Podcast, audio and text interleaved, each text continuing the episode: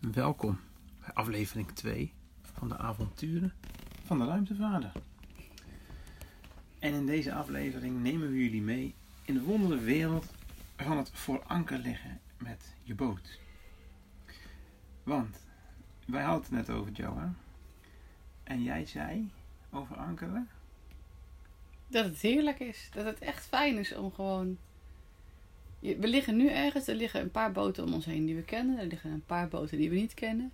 Je hebt gewoon gezellig gekletst met iemand die met zijn bijbootje even aankomt varen.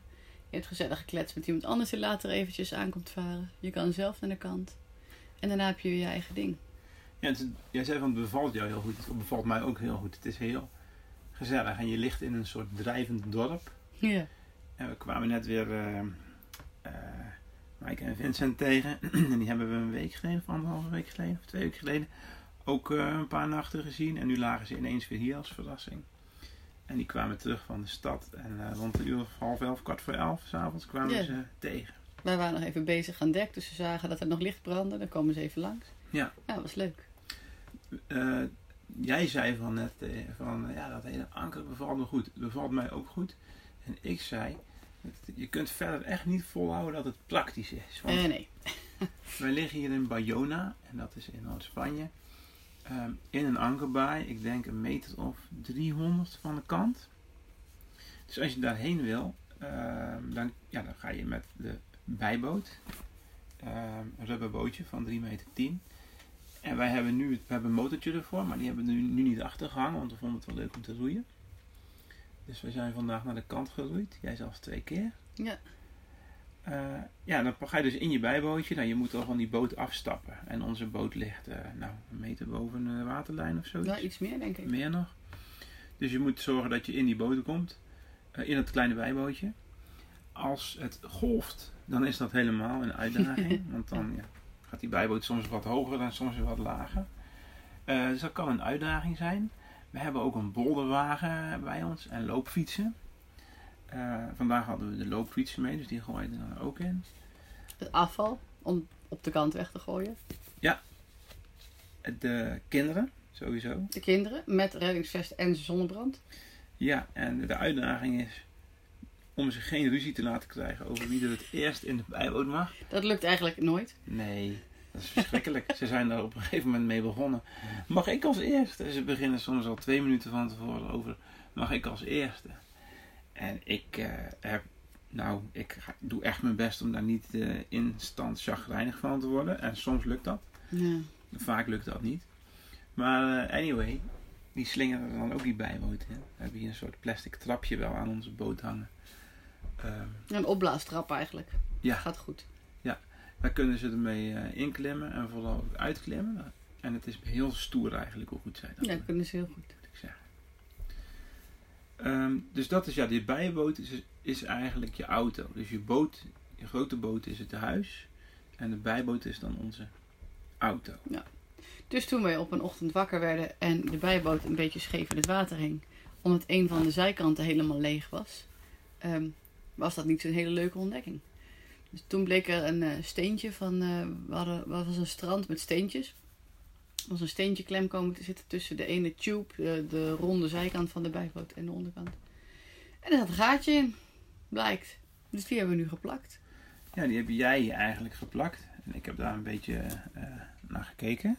Maar als je hem plakt, mag je hem 24 uur niet gebruiken. En als je dus voor anker ligt en je hebt dan geen mogelijkheid om naar het land te gaan, is niet zo handig. Dus de afgelopen, weet ik veel, 5, 6, 7 dagen zijn we naast dat we alles deden wat Michiel net zei, ook vervolgens met de voetpomp eh, de tube op gaan blazen die heel langzaam een beetje leeg liep. Dus dat kwam er ook nog bij. Maar goed, hopelijk is de reparatie gelukt en hoeft dat vanaf morgen niet meer. Ja, en eh, het is ook wel lachen hoor. Het is vooral lachen eigenlijk om met zo'n bijboot die we dan helemaal vol rotzooi eh, gooien. Bijvoorbeeld ook een op ingeklapte bolderwagen is best wel groot. En niet als ze boodschappen en zo. Dus het, ik vind het altijd heel, heel gezellig. eh. Heel We krijgen gezellig. ook altijd heel veel van die mensen die heel eh vertederd naar ons kijken. Want dan varen we daar met dus heel veel spullen in die bijboot. En twee kleine jongens in reddingsvestjes. Eh, en, en ook nog roeiend. Dan ben je wel eh, een beetje een opvallende verschijning. Ja, en gisteren zeiden de jongens ineens, toen waren we aan het roeien, terug naar onze boot vanaf het strand van een eiland. En toen begonnen ze begon Marius te schreeuwen tegen Abel. Nee, andersom. Abel schreeuwde tegen Marius. We gaan door de boot stuiteren. We gaan door de Ja. boot stuiteren. en toen stonden ze daar. Ze waren met z'n tweeën aan het soort aan pogo door de boot, zeg maar. Ja, dat was grappig. Dus die jongens voelen zich ook wel thuis Ja. in de Bijbel. Want het is eigenlijk een auto, maar een auto waar die kinderen niet in een zitje hoeven te zitten, maar gewoon rond kunnen, eh, nou, rond kunnen Ja. stuiten. En ze hebben allebei ook een eigen, Pedal. ja, die hebben wij dan met touwen aan die bijboot vastgemaakt. Maar ze mogen daarmee roeien. Meestal liggen ze na twee minuten gewoon in het water. Als ballast. Gaat ook. Dat gaat ook prima. En Marius die kan al eh, ook een beetje sturen. Als we wel de motor erop zetten, dan kan hij al een beetje motoren.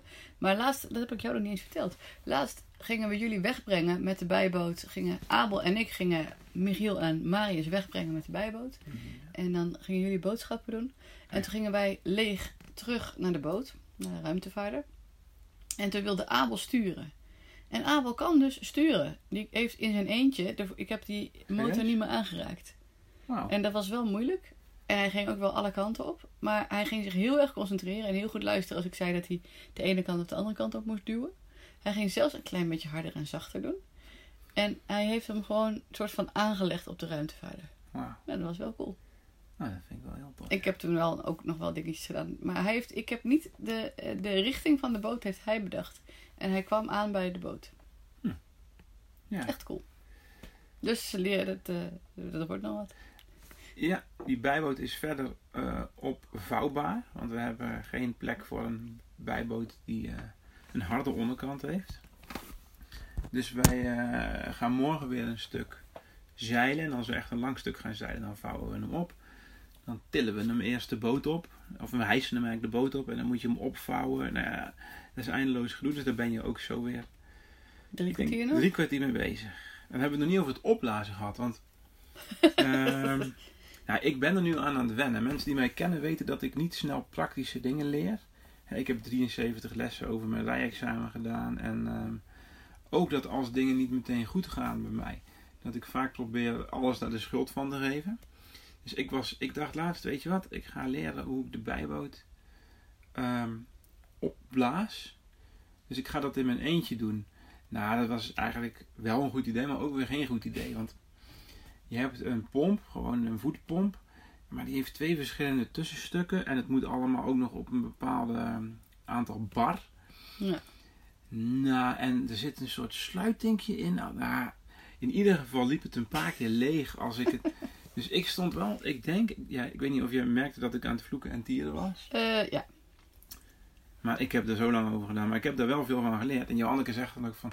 Kijk nou eerst even wat de bedoeling is. En daar ben ik dan op zo'n moment heel slecht in. Want ik ben dan al die lui van Zodiac. Het is een, van het merk Zodiac.